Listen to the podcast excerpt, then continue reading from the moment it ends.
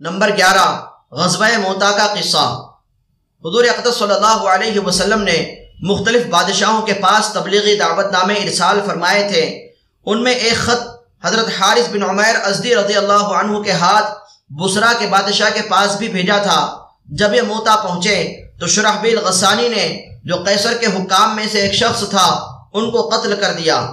قاصدوں کا قتل کسی کے نزدیک بھی پسندیدہ نہیں۔ حضور صلی اللہ علیہ وسلم کو یہ بات بہت گرا ہوئی اور آپ علیہ صلاۃ والسلام نے تین ہزار کا ایک لشکر تجویز فرما کر حضرت زید بن حارثہ رضی اللہ عنہ کو ان پر امیر مقرر فرمایا اور ارشاد فرمایا کہ اگر یہ شہید ہو جائیں تو جعفر بن ابی طالب رضی اللہ عنہ امیر بنائے جائیں وہ بھی شہید ہو جائیں تو عبداللہ بن رواحہ رضی اللہ عنہ امیر ہوں وہ بھی شہید ہو جائیں تو پھر مسلمان جس کو دل چاہے امیر بنا لیں۔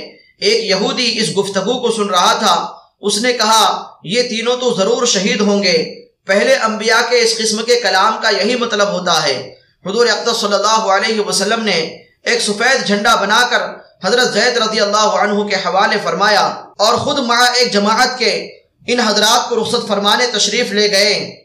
شہر کے باہر جب پہنچانے والے واپس آنے لگے تو ان مجاہدین کے لیے دعا کی کہ حق تعالی شانہ تم کو سلامتی کے ساتھ، کامیابی کے ساتھ واپس لائے اور ہر قسم کی برائی سے محفوظ رکھے۔ حضرت عبداللہ بن رواحہ رضی اللہ عنہ نے اس کے جواب میں تین شعر پڑھے، جن کا مطلب یہ تھا کہ میں تو اپنے رب سے گناہوں کی مغفرت چاہتا ہوں اور یہ چاہتا ہوں کہ ایک ایسی تلوار جس سے میرے خون کے فوارے چھوٹنے لگے، یا ایسا برچا ہو جو آتوں اور کلیجے کو چیرتا ہوا نکل جائے۔ اور جب لوگ میری قبر پر گزریں تو یہ کہیں کہ اللہ تجھ غازی کو رشید اور کامیاب کرے۔ واقعی تو تو رشید اور کامیاب تھا۔ اس کے بعد یہ حضرات روانہ ہو گئے۔ شرحبیل کو بھی ان کے روانگی کا علم ہوا۔ وہ ایک لاکھ فوج کے ساتھ مقابلے کے لیے تیار ہوا۔ یہ حضرات کچھ آگے چلے تو معلوم ہوا کہ خود ہرقل روم کا بادشاہ بھی ایک لاکھ فوج ساتھ لیے ہوئے مقابلے کے لیے آ رہا ہے۔ ان حضرات کو اس خبر سے تردد ہوا کہ اتنی بڑی جمعیت کا مقابلہ کیا جاوے یا حضور اقدس صلی اللہ علیہ وسلم کو اطلاع دی جاوے۔ حضرت عبداللہ بن رباحہ رضی اللہ عنہ نے للکار کر فرمایا، اے لوگو، تم کس بات سے گھبرا رہے ہو؟ تم کس چیز کے ارادے سے نکلے ہو؟ تمہارا مقصود شہید ہو جانا ہے۔ ہم لوگ کبھی بھی قوت اور آدمیوں کی کثرت کے زور پر نہیں لڑے۔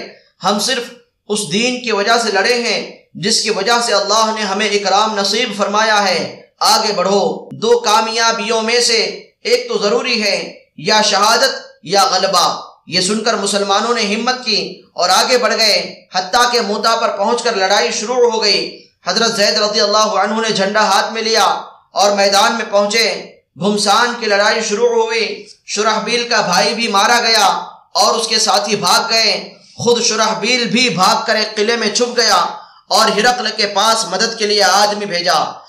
اس نے تقریباً دو لاکھ فوج بھیجی اور لڑائی زور سے ہوتی رہی۔ حضرت زید رضی اللہ عنہ شہید ہوئے۔ تو حضرت جعفر رضی اللہ عنہ نے جھنڈا لیا اور اپنے گھوڑے کے خود ہی پاؤں کاٹ دیے تاکہ واپسی کا خیال بھی دل میں نہ آئے اور چند اشعار پڑھے جن کا ترجمہ یہ ہے، اے لوگو، کیا ہی اچھی ہے جنت اور کیا ہی اچھا ہے اس کا قریب ہونا۔ کتنی بہترین چیز ہے اور کتنا ٹھنڈا ہے اس کا پانی۔ اور ملک روم کے لوگوں پر عذاب کا وقت آ گیا۔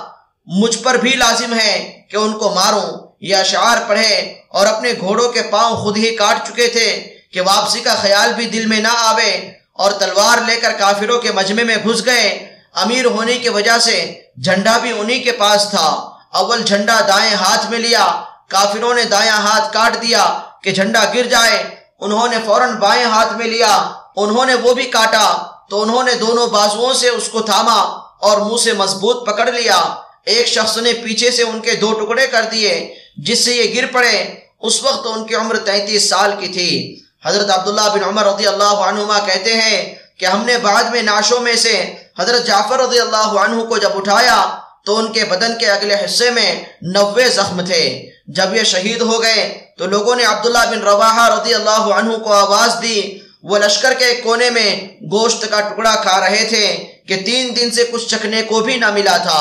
وہ آواز سنتے ہی گوشت کے ٹکڑے کو پھینک کر اپنے آپ کو ملامت کرتے ہوئے کہ جعفر تو شہید ہو جائیں اور تو دنیا میں مشغول رہے، آگے بڑھے اور جھنڈا لے کر قتال شروع کر دیا۔ انگلی میں زخم آیا، وہ لٹک گئی تو انہوں نے پاؤں سے اس کٹی ہوئی انگلی کو دبا کر ہاتھ کھینچا۔ اور وہ الگ ہو گئی، اس کو پھینک دیا اور آگے بڑھے۔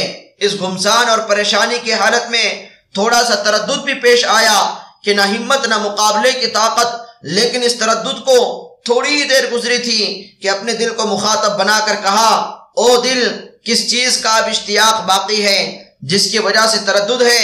کیا بیوی بی کا ہے تو اس کو تین طلاق، یا غلاموں کا ہے تو وہ سب آزاد، یا باغ کا ہے تو وہ اللہ کے راستے میں صدقہ، اس کے بعد چند شعر پڑھے جن کا ترجمہ یہ ہے، قسم ہے او دل، تجھے اترنا ہوگا، خوشی سے اتر یا ناگواری سے اتر، تجھے اطمینان کی زندگی گزارتے ہوئے ایک زمانہ گزر چکا۔ سوچ تو، آخر تو ایک قطرہ منی ہے۔ دیکھ، کافر لوگ مسلمانوں پر کھینچے ہوئے آ رہے ہیں۔ تجھے کیا ہوا کہ جنت کو پسند نہیں کرتا؟ اگر تو قتل نہ ہوا تو ویسے بھی آخر مرے گا ہی۔ اس کے بعد گھوڑے سے اترے۔ ان کے چچا زاد بھائی گوشت کا ایک ٹکڑا لائے کہ ذرا سا کھا لو، کمر سیدھی کر لو۔ کئی دن سے کچھ نہیں کھایا، انہوں نے لے لیا۔ اتنے میں ایک جانب سے ہلے کی آواز آئی، اس کو پھینک دیا اور تلوار لے کر جماعت میں گھس گئے اور شہید ہونے تک تلوار چلاتے رہے۔ فائدہ، صحابہ رضی اللہ عنہم کی پوری زندگی کا یہی نمونہ ہے۔ ان کا ہر ہر قصہ دنیا کی بے ثباتی اور آخرت کے شوق کا سبق دیتا ہے۔ صحابہ کرام رضی اللہ عنہم اجمعین کا تو پوچھنا ہی کیا، تابعین پر بھی یہی رنگ چڑھا ہوا تھا۔ ایک قصے پر اس باب کو ختم کرتا ہوں، جو دوسرے رنگ کا ہے۔ دشمن سے مقابلے کے نمونے تو آپ دیکھ ہی چکے ہیں۔ اب حکومت کے سامنے کا منظر بھی دیکھ لیجیے۔